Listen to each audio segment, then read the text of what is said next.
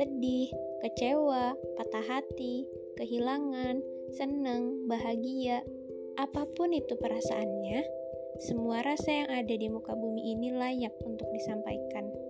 Ya meski terkadang waktu tak bisa menjangkau dirinya, namun semoga kata dan cerita ini bisa menjangkau telinganya untuk mendengarkan.